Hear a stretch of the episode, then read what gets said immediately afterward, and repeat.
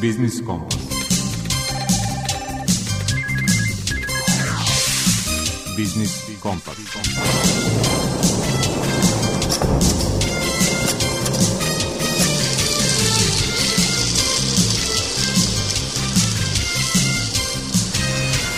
Pred mikrofonom je Đuro Vukilić. Dobar dan poštovani slušalci. Vreme je za Biznis Kompas, poslednji oči pauze zbog letnje programske šeme Radio Novog Sada. Nećete da kako biti uskraćeni za aktualne teme i zanimljive sagovornike iz ekonomije i tokom leta u prepodnevnom programu našeg radija i da se pozabavimo sadržajem današnje emisije. U rubrici Aktualno razgovarat ćemo o aktualnim monetarnim kretanjima u svetu i kod nas sa profesorom sa Beogradskog ekonomskog fakulteta Đorđem Đukićem. Gost autor rubrike iz mog Google, izvršni direktor Savjeta stranih investitora Aleksandar Ljubić, govorit o tome da li je i koliko uporna globalna kriza uticala na investicioni ambijent u Srbiji. U rubrici Svet preduzetništva rukovodilac projekata u regionalnoj razvojnoj agenciji Bačka Marija Prokopić najavlje infodan te agencije UNDP-a namenjen inovativnim projektima malih i srednjih preduzeća. Sezona putovanja i putnih zdravstvenih osiguranja, zbog čega objašnjava Ivana Stanojevski iz Narodne banke Srbije u rubrici Predmet financije. Sezonskog karaktera korisna je i rubrika Potrošačka korpa prava. Pravni savjetnik u Udruženju za zaštitu potrošača Vojvodine Mladen Alfirović govori o razlici sezonskog sniženja u odnosu na rasprodaju ili redovne trgovačke akcije. I toliko o sadržaju emisije, malo muzike.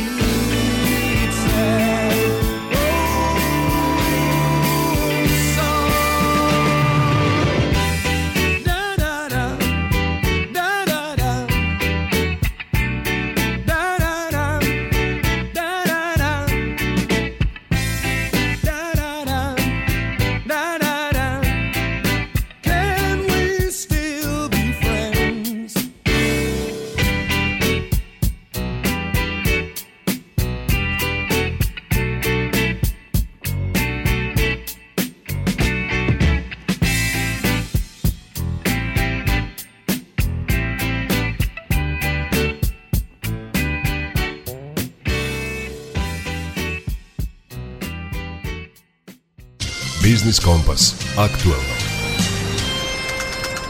Podizanje kamatne stope od strane Evropske i drugih centralnih banaka uz najavu da će tokom leta biti novih povećanja praktično nam govori da do sad upotrebljene alatke u borbi protiv inflacije nisu dale očekivanja i da su centralni bankari omanuli u proceni da je inflacija privremenog karaktera. To je ocenio u razgovoru za naš radio profesor sa Beogradskog ekonomskog fakulteta Đorđe Đukić. Efekti tih povećanja sada ospa. Tek će se osjetiti za 20 do 24 meseca zbog vremenskog pomaka u delovanju monetarne politike. Ono što je najbitnije ovaj, istaće, vidite, to je da inflacija polako ali sigurno postaje ukorenjeni fenomen. Za evropske prilike, vidite, 6% rasta cena na malo u maju mesecu jednostavno je apsolutno tri puta više od ciljane i to je enormna razlika Tako da vam to samo govori koliko će dugo Evropska centralna banka, ako bude prepuštena sama sebi, bez uticaja fiskalnih vlasti da redukuju rashode koji su enormni, tako, biti u prilici da dalje iznuditi povećava tu kamatu stopu, a dokaz za to vidite da po izjavi zvaničnika Evropske centralne banke, prevashodno gospođe Lagarde, mi imamo situaciju da je e, ove godine verovatno rast za celu eurozonu 0,9 svega, pri čemu rizici su najveći da praktično zbog nemačke privreda eurozone za Nemačko već više nego sigurno uđe u recesiju. Tako da ako imamo paralelno, vidite, recesione tendencije, Ako imamo paralelno da Evropska centralna banka pokušava da rastućim kamatnim stopama predupredi dalje inflatorne pritiske i ako imamo u vidu da dolazeća zima nizesno kakva će biti s aspekta temperaturnih prilika zbog tako rastuće tražnje za energentima koje nije bio slučaj početkom ove godine, onda vam sve to govori uz napregnuće u tržištu radne snage gde nema dovoljno kvalifikovane radne snage u Nemačkoj da jednostavno sve to ide ka tome da će inflacija, praktično inflatorni pritisci ostati dalje u produženom dejstvu. Tako da ja nemam dileme da će tržišni akteri koji su u početku verovali da će krajem znate ove godine nastupiti ciklus eventualno smanjenja su totalno promašili u svojim procenama zbog konteksta geopolitičkih događaja i ono što je isto tako bitno reći, vidite, to je da kad se intenzivnim povećanjem kamatne stope pokušava lečiti inflacija. Zato što drugi mehanizmi ne deluju, onda imamo ono što je svojevremeno Volcker morao da radi u SAD-u, da jednostavno drastičnim povećanjem kamatne stope leči problem inflatornih očekivanja koja su po sebi generator inflacije, da onda se kroz to plati visoka cena. Od koga? Pa pre svega standarda građana i tu se zna ko najviše plaća cenu, to su najsiromašniji. I Narodna banka Srbije posle mesec dana pauze podigla baznu kamatu. Da li je tih 25 baznih poena dovoljno? Imamo li vidu to da je naša inflacija osetno iznad proseka Evropske unije, pa čak i nekih zemalja iz okruženja poput Albanije? Pa mi imamo situaciju, kao što ste rekli, da zato što je Narodna banka Srbije ipak u početku mnogo sporo povećavala tu kamatnu stopu, kažem tu, mislim na ključnu kamatnu stopu.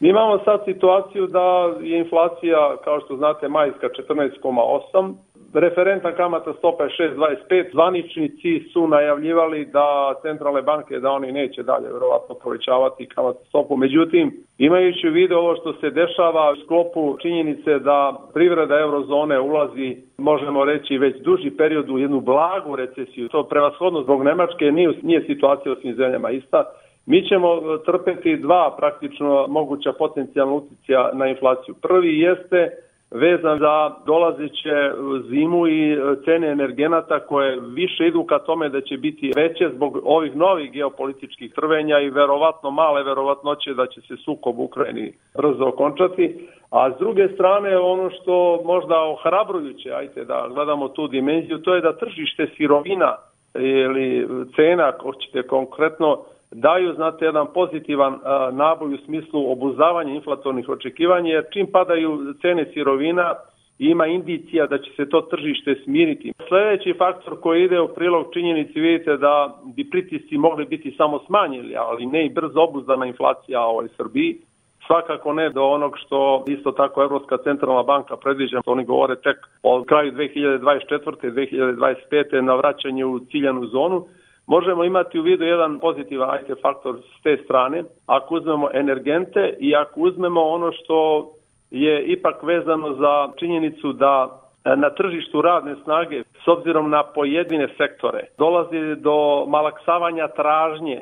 Veliki broj kompanija, nažalost, možemo reći za te zaposlene u IT industriji otpušta jedan broj je tako ljudi zato što je očigledno malaksavanje tražnje znate, na svetskom tržištu koje neposredno deluje na nas zbog toga što je to jedan vrlo važnih izvoznih uh, grana u srpskoj privredi će uticati na to da inflatorni naboji u celini gledano se smanje, ali bez lažnih očekivanja da je to moguće da se 2024. godine u prvoj polovini vrati u ciljanu zonu koja je vrlo ambiciozna ovim prilikama 3 plus minus 1,5% i to molim vas bazne inflacije. Zašto? Pa zato što uvek treba podsjetiti slušalce da se tu ne uključuju cene energenata i hrane, a svako ko dnevno kupuje vidi da je ta inflacija merena indeksom potrošačkih cena jako visoka, naročito za grupu egzistencijalnih artikala koje automatski ugrožavaju realni standard opet oni koji imaju najniža privanja. Naš sagovornik bio je profesor sa Beogradskog ekonomskog fakulteta Đorđe Đukić. Đorđe, hvala vam za razgovor i za izdvojeno vreme. Hvala vama.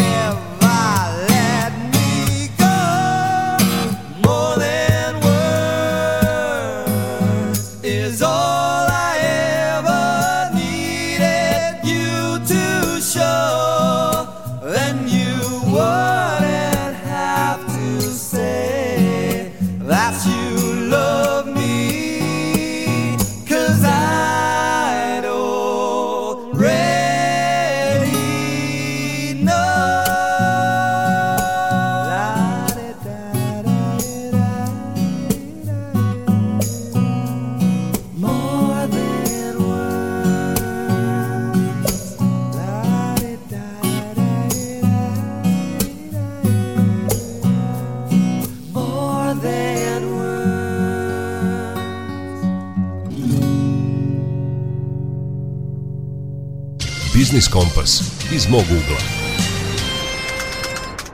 Strani investitori čine samo jedan stup razvoja Srbije i da bismo ostvarili poželjnih 5% rasta bruto domaćeg proizvoda, neophodno je učešće državnih i investicija domaćih malih i srednjih preduzeća – ocenio je gost autor rubrike iz mog ugla, izvršni direktor Saveta stranih investitora Aleksandar Ljubić. Savet stranih investitora e, prošle godine proslavio je 20 godina svog funkcionisanja u Srbiji. 20 e, godina Savet stranih investitora predstavlja organizaciju koja zastupa interese svih onih stranih kompanija koje su došle u Srbiju i koje će sutra doći u Srbiju. Ovo vreme leti je vreme kada Savez stranih investitora počinje sa pisanjem dve bele knjige i bela knjiga je izdanje Saveta stranih investitora koja sumira sve ono što je neophodno uraditi, doterati ili popraviti kako bi strani investitori što bolje funkcionisali u Srbiji.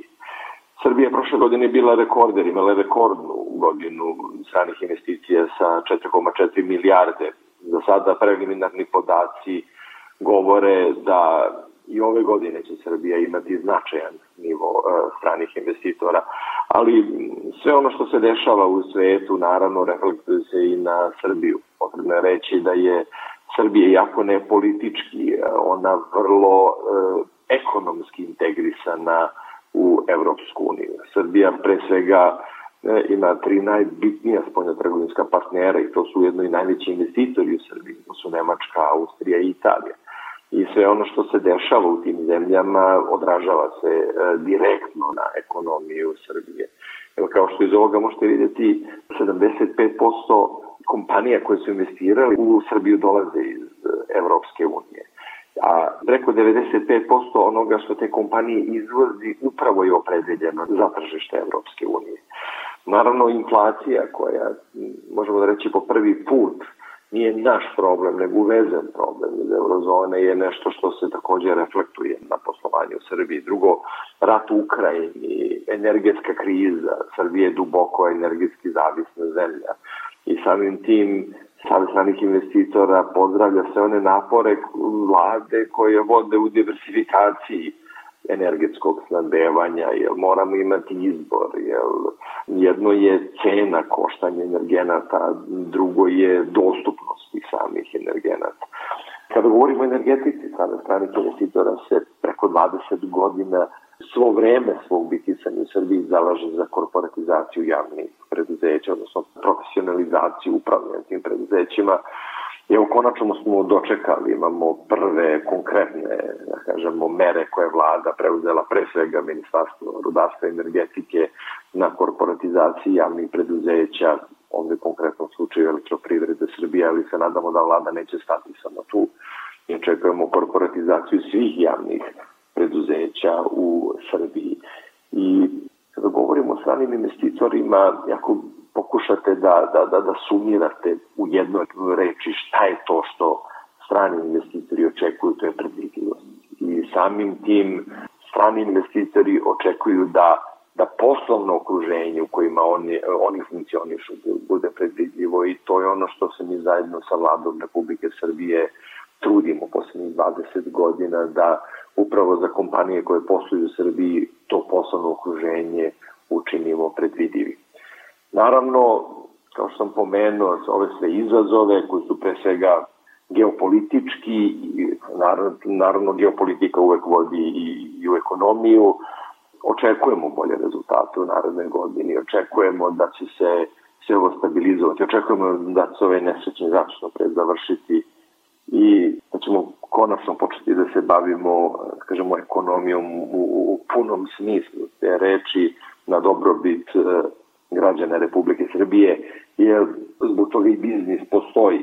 Jer strani investitori čine samo jedan, da kažemo, stub razvoja Srbije. I da bi Srbija se uspešno razvijala, ona mora da, ili bi imala rast, recimo 5%, ona mora da ima 25% investicija, od čega 6-7 dolazi iz stranih investicija, 6-7 dolazi iz državnih, odnosno infrastrukturnih, ali 10% mora da dođe iz privatnih e, investicija. To su male i srednje preduzeća i velike strane kompanije su tu da pomognu upravo tim malim i srednjim preduzećima da da svoje proizvode plasiraju na evropska tržišta i samim tim da im pomognu da ta preduzeća učinimo što konkurentnija. Naravno, inflacija i kriza ne idu malim i srednjim preduzećima u prilog, tako da se nadam da, smo, da ćemo krizu ostaviti za nas i da ćemo svi gledati u budućnost sa nekom bolju perspektivu.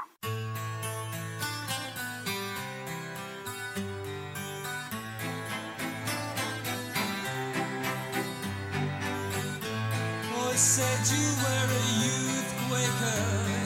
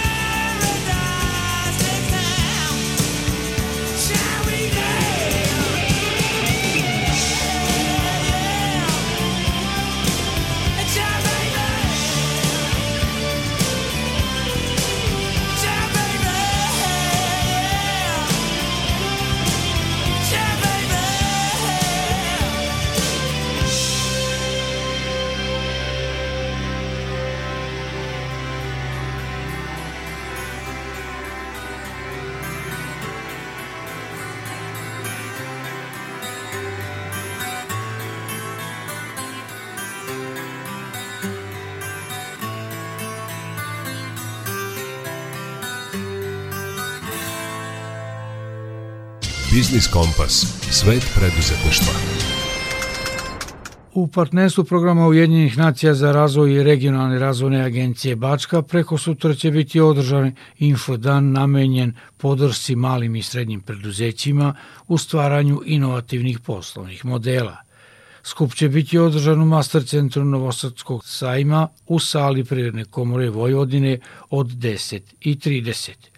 O programu Infodana govori rukovodilac projekata u regionalnoj razvojnoj agenciji Bačka Marija Prokopić. Infodan tiče se promocije javnog poziva za inovativne poslovne modele kojima se smanjuje zavisnost od uvoza, diverzifikuje proizvodnja električne energije, smanjuje energetski intenzitet privrede i omogućava povoljno snadbevanje čistom energijom, posebno za energetski ugrožene kupce. Javni poziv objavljuje program Ujedinjenih nacija za razvoj, UNDP, u okviru projekta Inovativna i pravedna zelena tranzicija kao alat za obezbeđivanje sistemske energetske sigurnosti i smanjenja energetskog siromaštva, koji se realizuje u partnerstvu sa Ministarstvom rudarstva i energetike kao i Ministarstvom zaštite životne sredine. Inače, predložena rešenja trebalo bi da doprinesu smanjenju emisije gasova sa efektom staklene bašte i smanjenju zagađenja životne sredine, zatim diversifikaciji proizvodnje električne energije, da postaku razvoj novih grana privrede i ženskog preduzetništva, kao i da omoguće otvaranje novih radnih mesta i prekvalifikaciju radnika iz sektora koji se baziraju na upotrebi fosilnih goriva. Takođe, očekuje se da predložene rešenja doprinesu smanjenju zavisnosti zemlje od uvoza energije.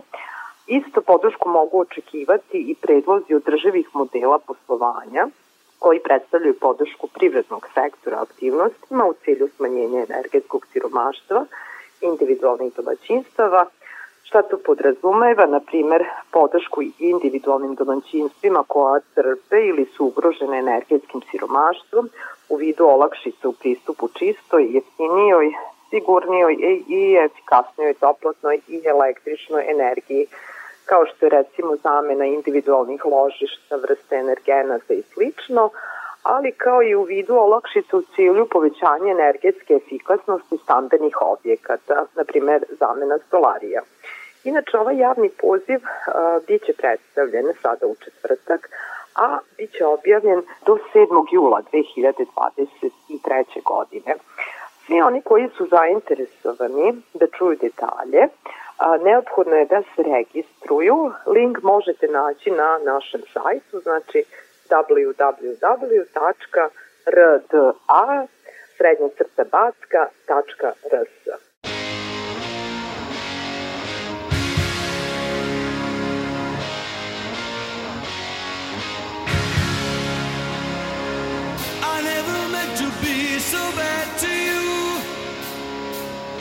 One thing I said that I would never do. A look from you and I would fall from grace. And that would wipe the smile right from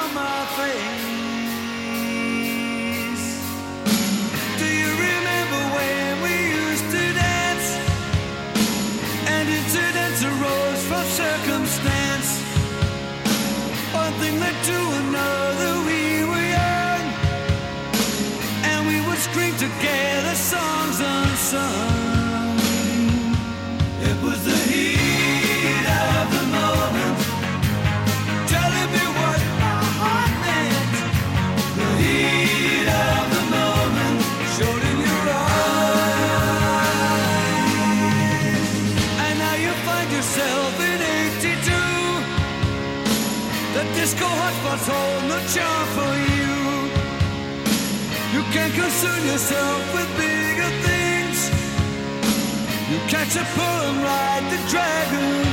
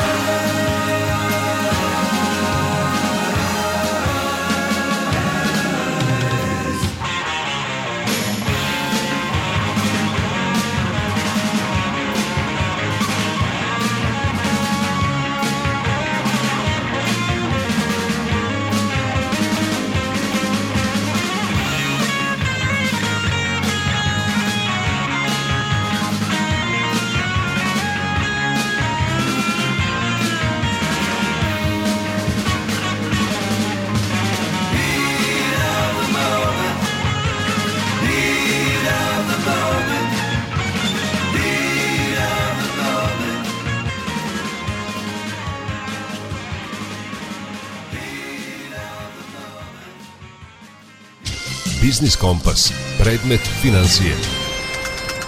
Kupovina putnog zdravstvenog osiguranja pre odlaska na putovanje dobra je odluka, jer vas može rešiti komplikacija i visokih izdataka, bilo da ste na godišnjem odmoru, privatnom ili poslovnom putovanju. Pod kojim uslovima zaključujete polisu i na šta treba da obratite posebnu pažnju. Savetuje vas Ivana Stonevski iz Narodne banke Srbije.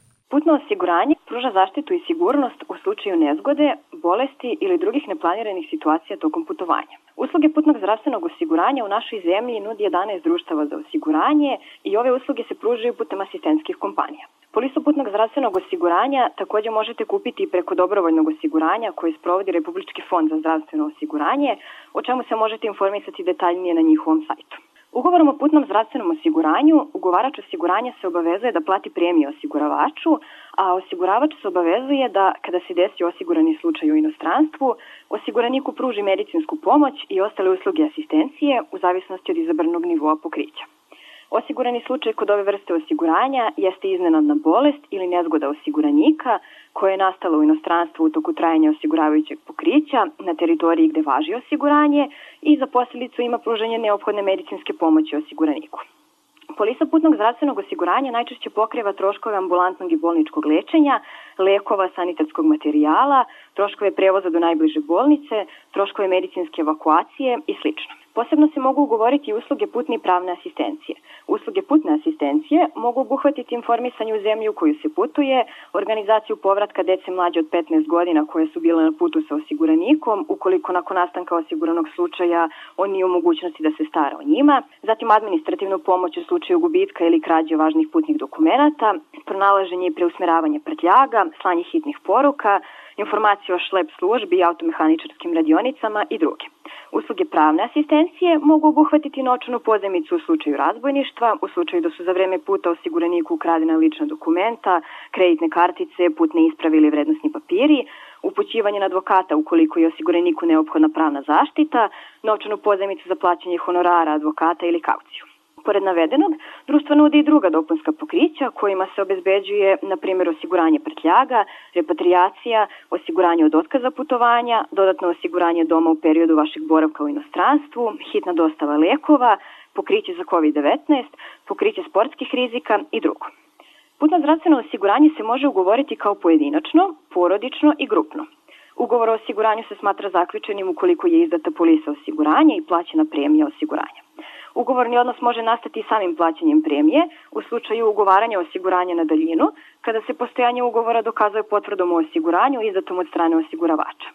Ugovor o korišćenju zdravstvene zaštite osiguranika za vreme puta i boravka u inostranstvu počinje dana koji je u policiji označen kao dan početka osiguranja, a prestaje istekom 24. časa dana koji je u policiji naveden kao dan isteka osiguranja. Ugovor o osiguranju mora biti zaključen pre početka putovanja, u suprotnom polisa osiguranja je nevažeća.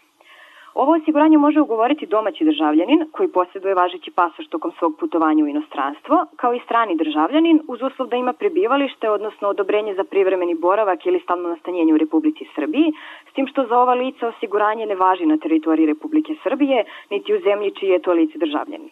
Putno osiguranje važi samo u inostranstvu, odnosno isključivo u zemljama navedenim na policiji osiguranja. Cena putnog zdravstvenog osiguranja zavisi od destinacije, izabrane osigurane sume, izabranog nivoa pokrića, od godina starosti osiguranika i ugovorenog trajanja osiguranja. Na primer, za sedmodnevno putovanje u neku od evropskih zemalja za osiguranu sumu od 30.000 evra, putno zdravstveno osiguranje za jednu osobu po danu košta između 150 i 450 dinara bez pokrića za COVID-19, a sa pokrićem i ovog rizika cene se kreću u rasponu od 200 do 600 dinara.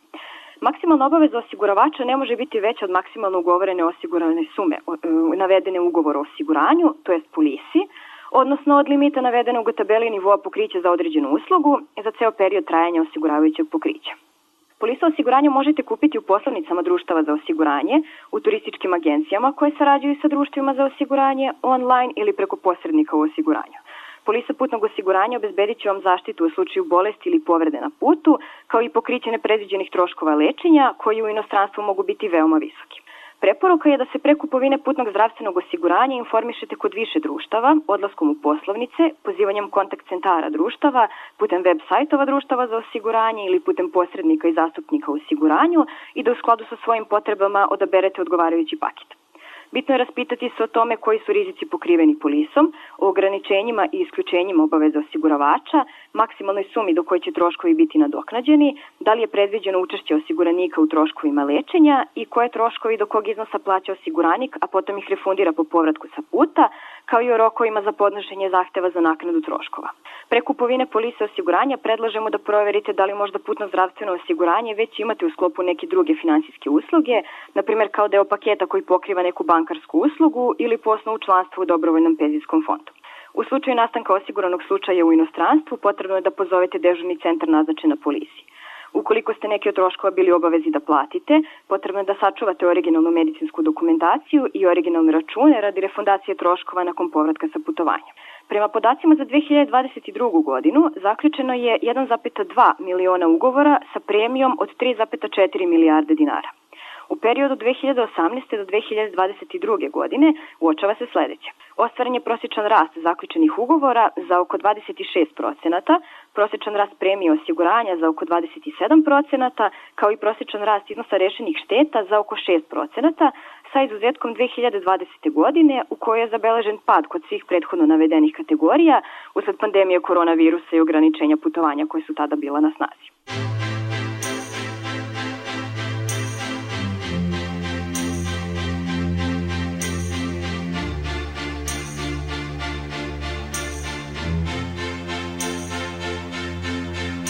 Don't ask me what you know is true. Don't have to tell you I love your precious heart. I I was standing, you were there. Two worlds collided and they could never tear us apart.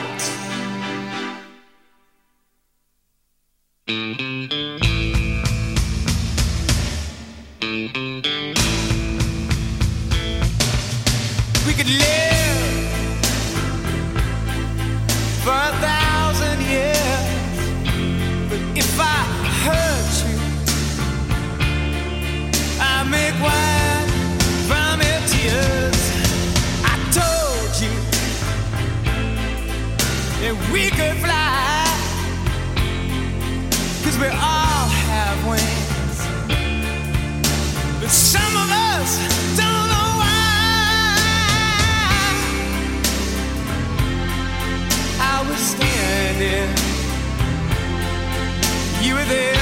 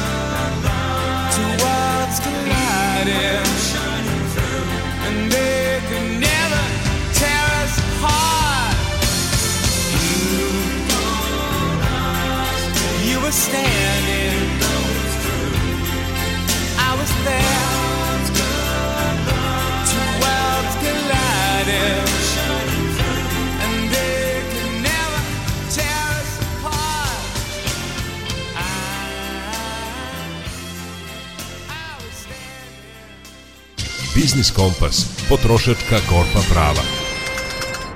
Kraj juna je vreme sezonskih sniženja i nije na odmet da se podsjetimo prava potrošača i o čemu bi trebalo da vodite računa kada pokušate da pomoću sezonskih sniženja, rasprodaja ili trgovačkih akcija prištedite neki dinar.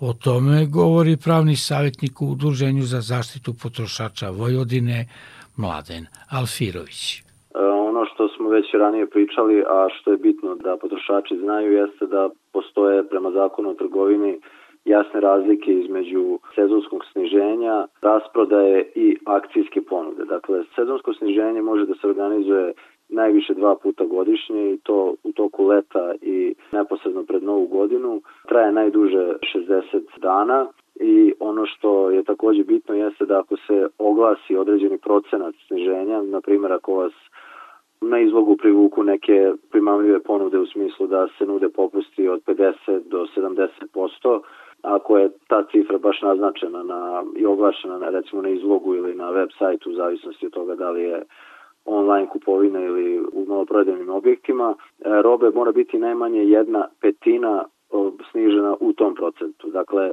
ne može se desiti situacija da uđete uh, u prodavnicu i da, i da te robe nema uopšte ili da bude neka zanemarljiva količina snižena u tom najvećem procentu 50 recimo do 70%. Takođe robe mora biti obezbeđeno u dovoljnoj količini da se zadovolje potrebe velikog broja kupaca.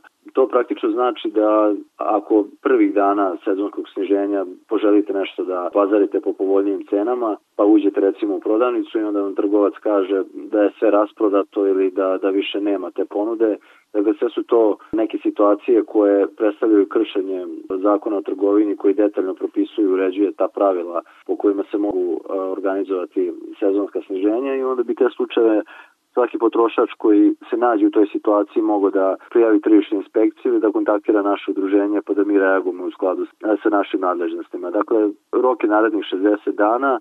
Razlika između sezonskog sniženja i rasprodaja je ta što kad se organizuje rasprodaja, rasprodaja se organizuje samo u slučaju da se zatvara određeni objekat, da određeni trgovac prestaje sa poslovanjem, pa onda može da prodaju preostale robe organizuje putem rasprodaje i jasno da, da naznači da je u pitanju rasprodaja i da se ona organizuje zbog uh, zatvaranja maloprodajnog objekta ili prestanka sa radom. I treća kategorija su akcijske ponude, to je ono što vidimo gotovo svakodnevno, najčešće u supermarketima gde, gde se kupuje neka roba široke potrošnje, najčešće kućna hemija, prehrambeni artikli i slično.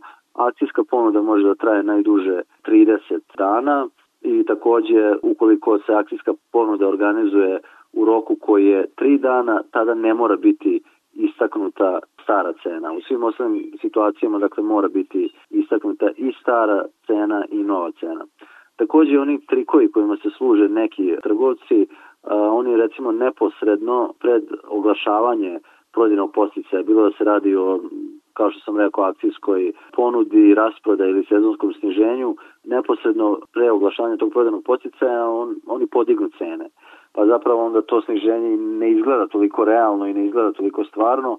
Takođe i takva situacija bi predstavljala prekršaj zakona o trgovini i nadležni inspektor bi mogao da pregleda poslovne knjige i da utvrdi da li recimo dan, dva ili najduže pet dana pred oglašavanjem prodajnog posticaja izvršena neka nivelacija cena pa da je zapravo taj prodajni posticaj prividan, da on nije onakav kao, kao što bi trebalo da bude u praksi. Dešava se da nam potrošači prijavljuju i te situacije i kad god utvrdimo da postoji neki pravni osnov, mi onda dalje te slučajeve sve sa fotografijama, računima i dokazima prosleđujemo tržišnoj inspekciji na dalje postupanje. Dakle, svi potrošači bi sada trebalo da, da budu informisani, da budu edukovani i da sada u ovom letnjem periodu robu koju kupuju, garderobu najčešće, kupe po zaista nekim realno sniženim cenama, a ne da to bude samo neka prevara ili pokušaj trgovca da dodatno zaradi tako što će obmanuti potrošače. Dakle, pozivamo potrošače da ukoliko primete neki problem, ukoliko imaju bilo kakvu nedoumicu ili pitanje vezano za, za njihova prava na osnovu zakona i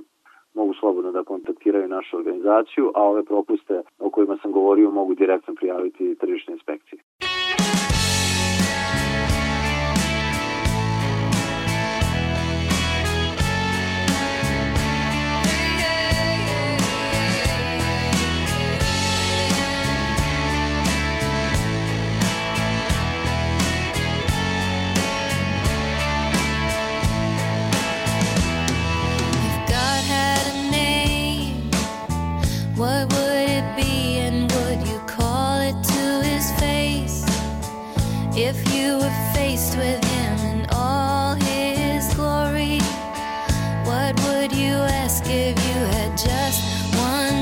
question